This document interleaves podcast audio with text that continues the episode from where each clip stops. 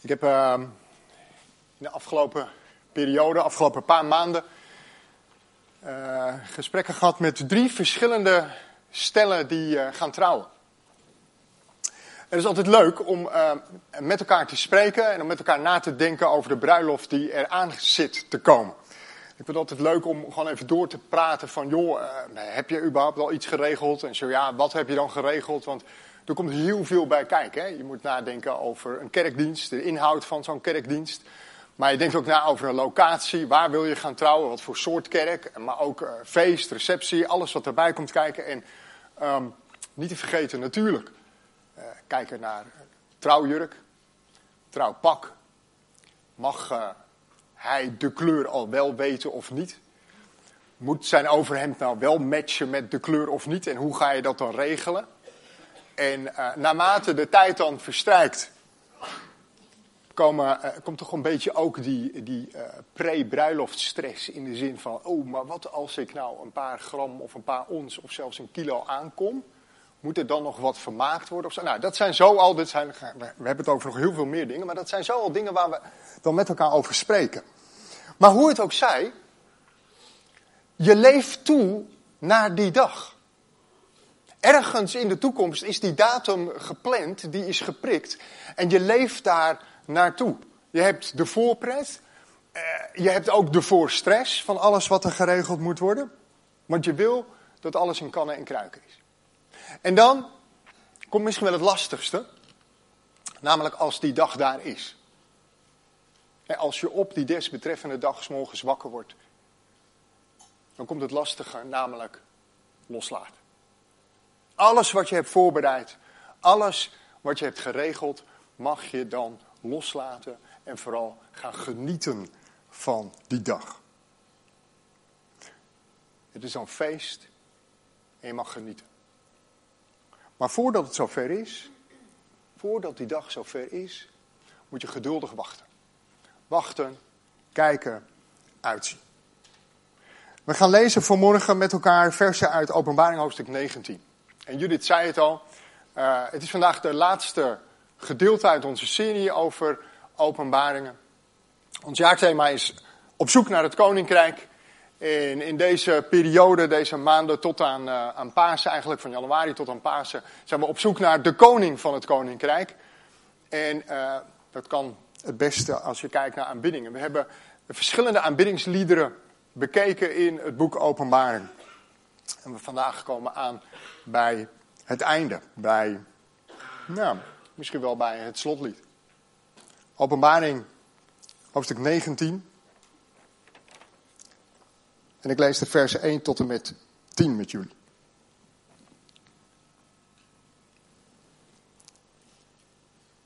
Hierna hoorde ik in de hemel een geweldige stem, als van een grote menigte zeggen: Halleluja! De redding, de eer en de macht zijn van onze God. Want zijn vonnis is betrouwbaar en rechtvaardig. Hij heeft immers de grote hoer, die door haar ontucht de wereld in het verderf heeft gestort, veroordeeld en het bloed van zijn dienaren op haar gewroken. Opnieuw zeiden ze, halleluja.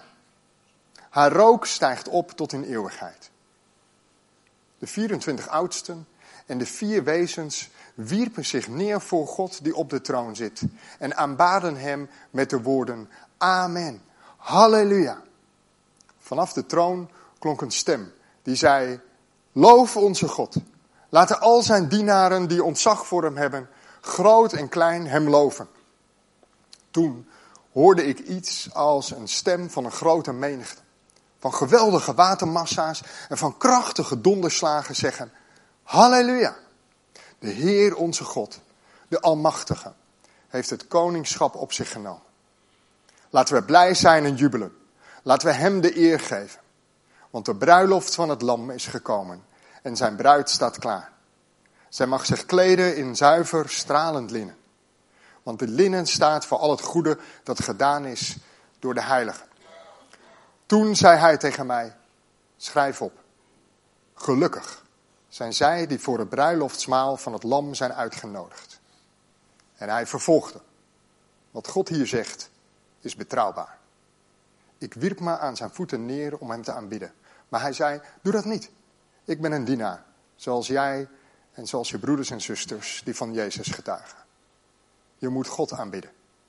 Want getuigen van Jezus is profiteren.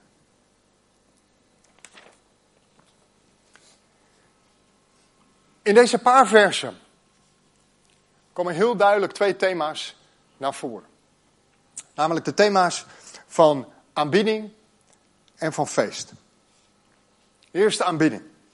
Het eerste wat opvalt bij het thema aanbidding, het eerste wat opvalt aan deze paar versen, is het woord halleluja.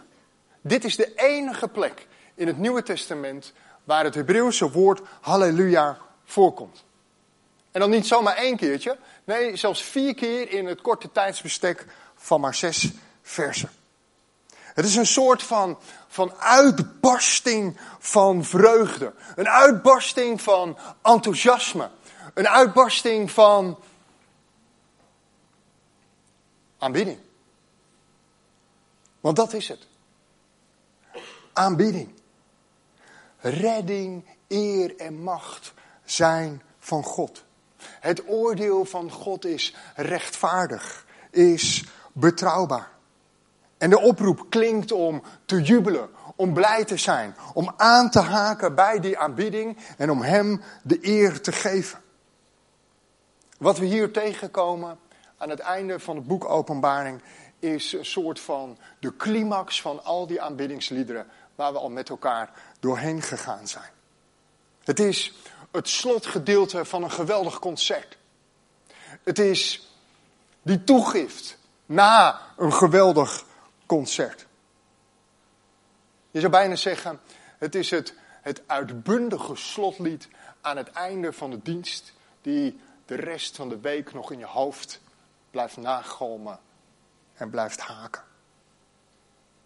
En die uitbundige aanbidding, die loopt als vanzelfsprekend over in een feest. De bruiloft van het lam. En de volgelingen van Jezus worden voorgesteld.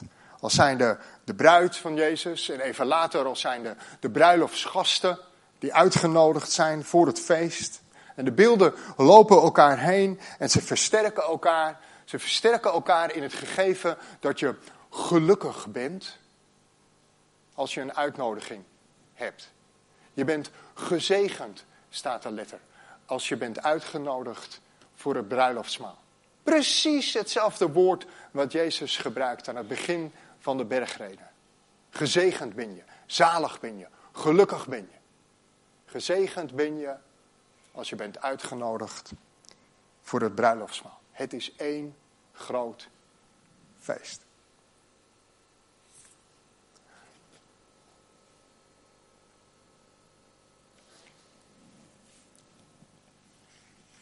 En misschien zit je hier vanmorgen wel en denk je van, uh, ben ik wel uitgenodigd?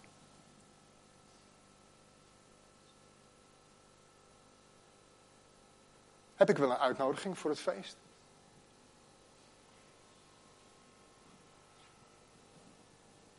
Weet je, als dat is wat blijft haken bij je nu, terwijl ik dit gewoon zeg en in ons midden neerleg, wil ik je echt vragen om straks gewoon even te blijven. Na te praten. Ofwel met mij of met mensen van het gebedsteam. Eigenlijk wil ik meegeven voor morgen, dus ik ga het ook maar gewoon zeggen. Eigenlijk zou ik het liefst willen dat je vanmorgen straks, na de koffie en thee, dat je niet hier weggaat zonder dat je zeker weet dat je een uitnodiging voor het bruiloftsmaal te pakken hebt. En ik zeg hem heel scherp.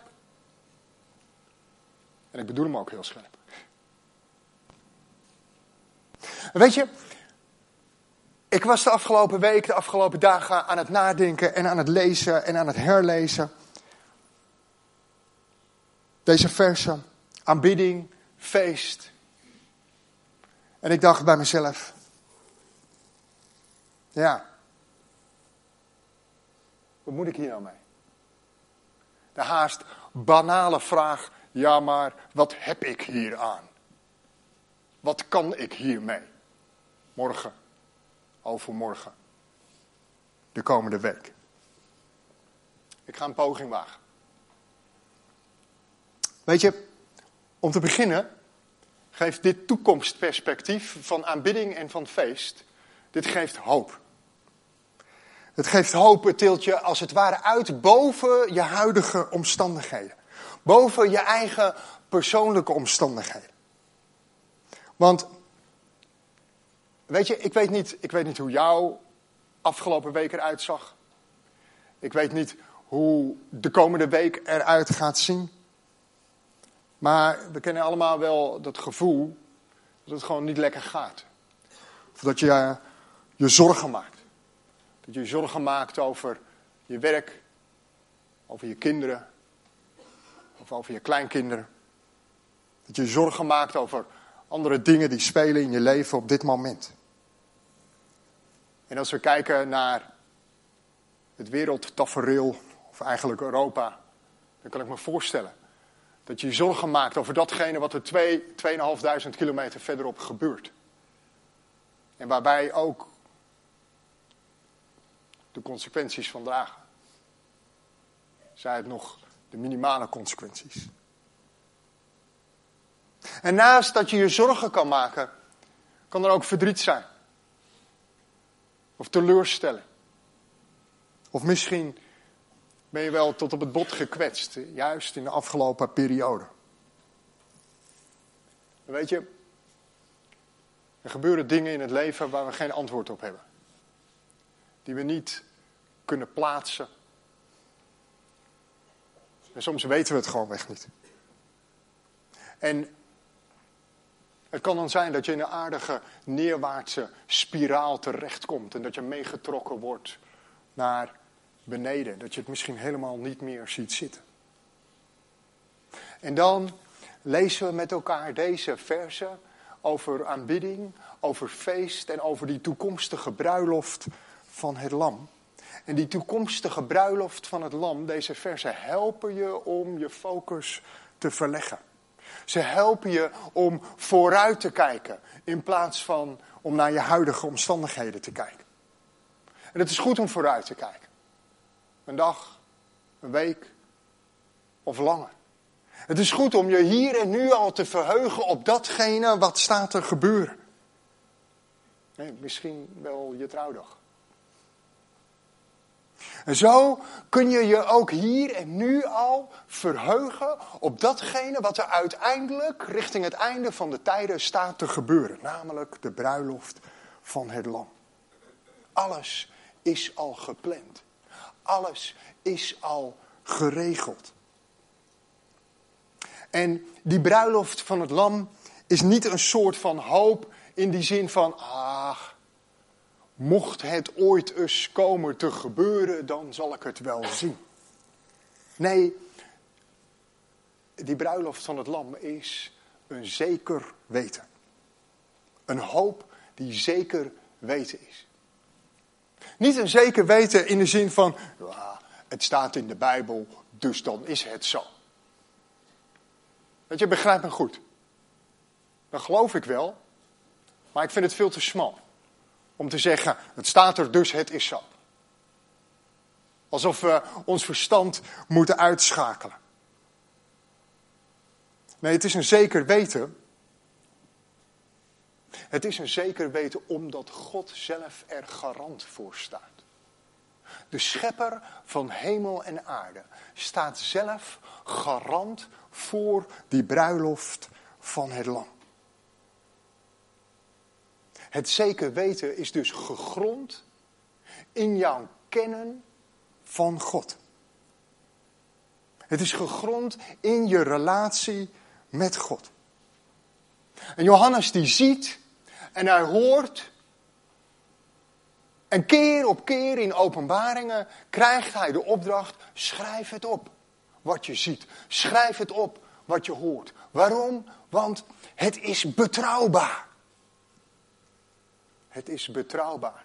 De schepper van hemel en aarde staat zelf garant voor zijn belofte van die bruiloft. En omdat je hem kent, weet je dat het klopt.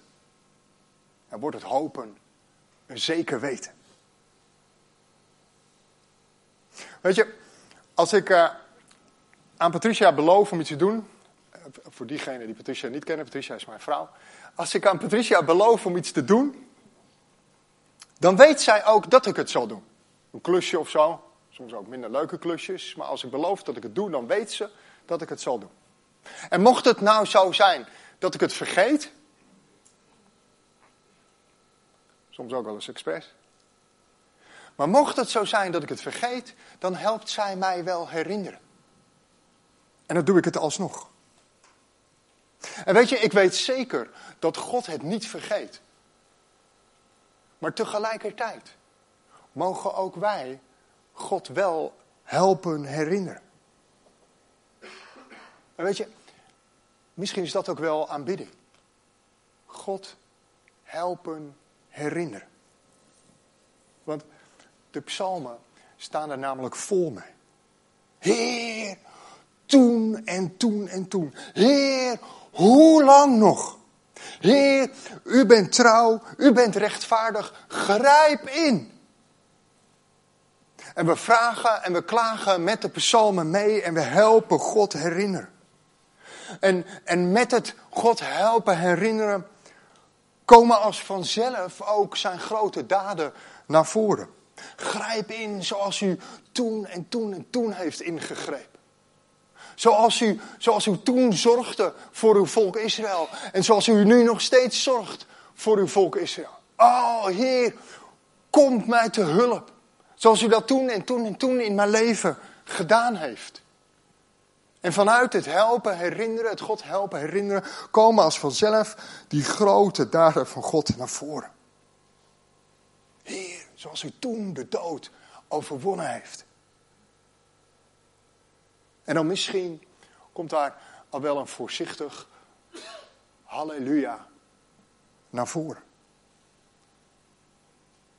En volgen de woorden, de redding en de eer en de macht, die zijn voor God.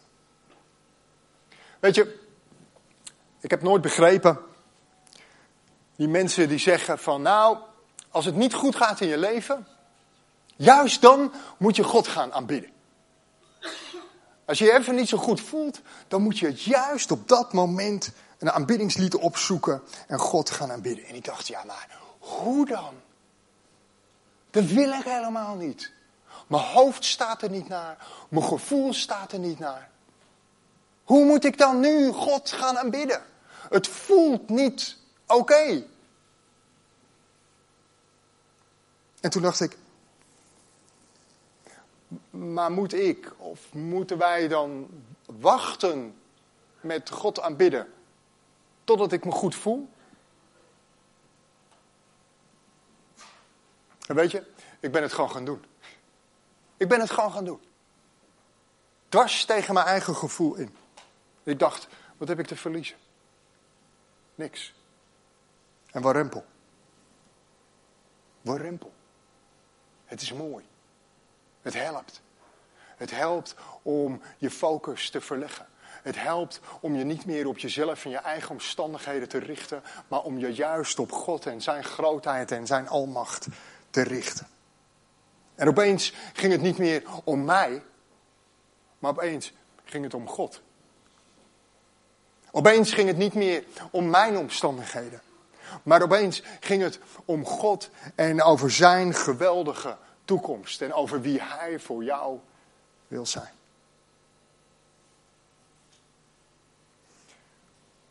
Terug naar die vraag.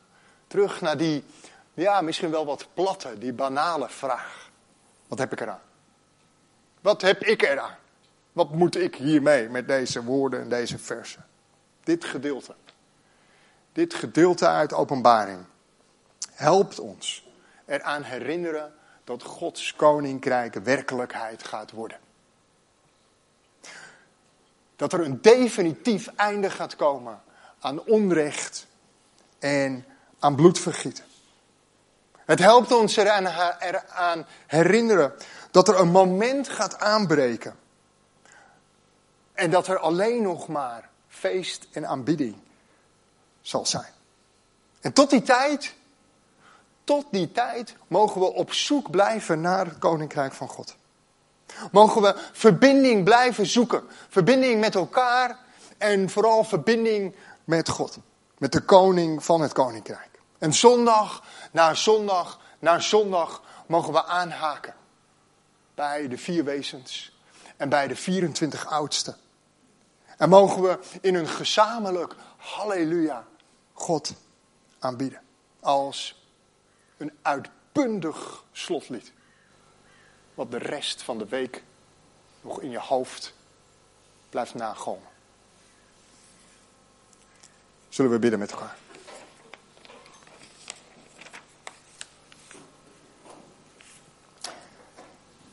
Vader God, we, we zongen dat u groter bent. Dat u machtig bent. Dat u heel meester bent. Heer, en we danken u dat u door uw woord heen spreekt. En dat we met het lezen van deze versen een toekomstperspectief geschilderd krijgen wat ver boven ons voorstellingsvermogen uitgaat. Vader, dank u wel. Dank u wel voor die zekere toekomst. Dank u wel dat het moment gaat komen dat uw koninkrijk zichtbaar, tastbaar hier op deze aarde zal zijn. Daar waar het nu nog verborgen is en waar we af en toe een glimp ervan mogen opvangen. En we hebben het zien doorbreken. Zien we samen uit naar dat moment dat het volledig is. Heer, en tot die tijd bidden we met elkaar en voor elkaar. Dat we elkaar en dat we samen u mogen vasthouden. En dat we vol zullen houden. Heer, leid ons daarin. Door de krachtige werking van uw Heilige Geest in ons leven. Bevestig ons daarin. Help ons om gericht te zijn op u. In aanbidding en in feest. En zo vragen we om uw machtige zegen in ons leven. In Jezus' naam. Amen.